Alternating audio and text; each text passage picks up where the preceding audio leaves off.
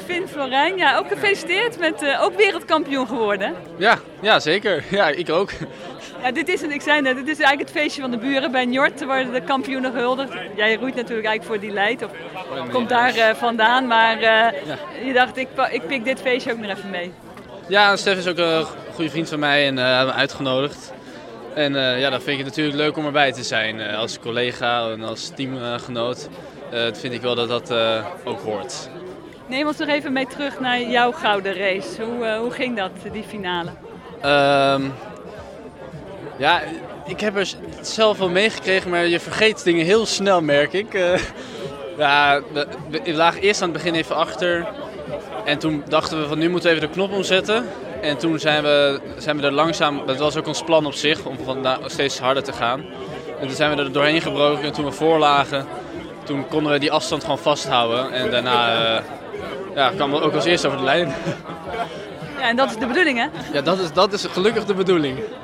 Hoe, hoe lastig is dat om dan die laatste meters er nog vol te houden? Ik kan me voorstellen dat je op een gegeven moment toch echt helemaal kapot, kapot bent. Uh, dat klopt.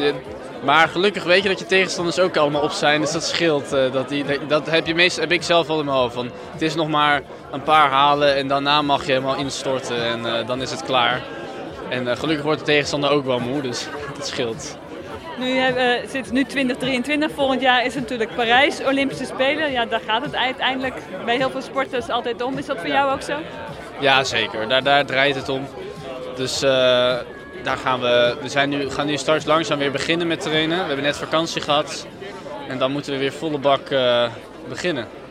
En hoe zeker ben je dan van een plekje? daar ben je nooit echt zeker van. Want wij kwalificeren de boot, dus niet de mensen. Dus uh, als ik volgend jaar niet goed genoeg meer ben, dan uh, zit iemand anders in de boot. Maar hopelijk is dat niet zo. De kans is wel redelijk groot. Maar je moet nooit uh, denken dat je er bent. En, ja, dus gewoon nog hard doortrainen. Ja, want je hebt natuurlijk in Tokio echt een hele vervelende ervaring met een corona-infectie en eigenlijk alleen maar op een hotelkamer gezeten. Ben je daardoor extra geprikkeld van Parijs wil ik wel echt halen?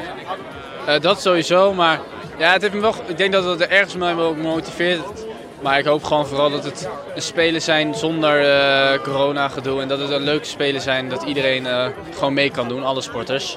Uh, dat, er niet, dat, dat je gewoon daar aankomt en dat je niet de hele angst hebt ergens dat je eruit wordt gepikt.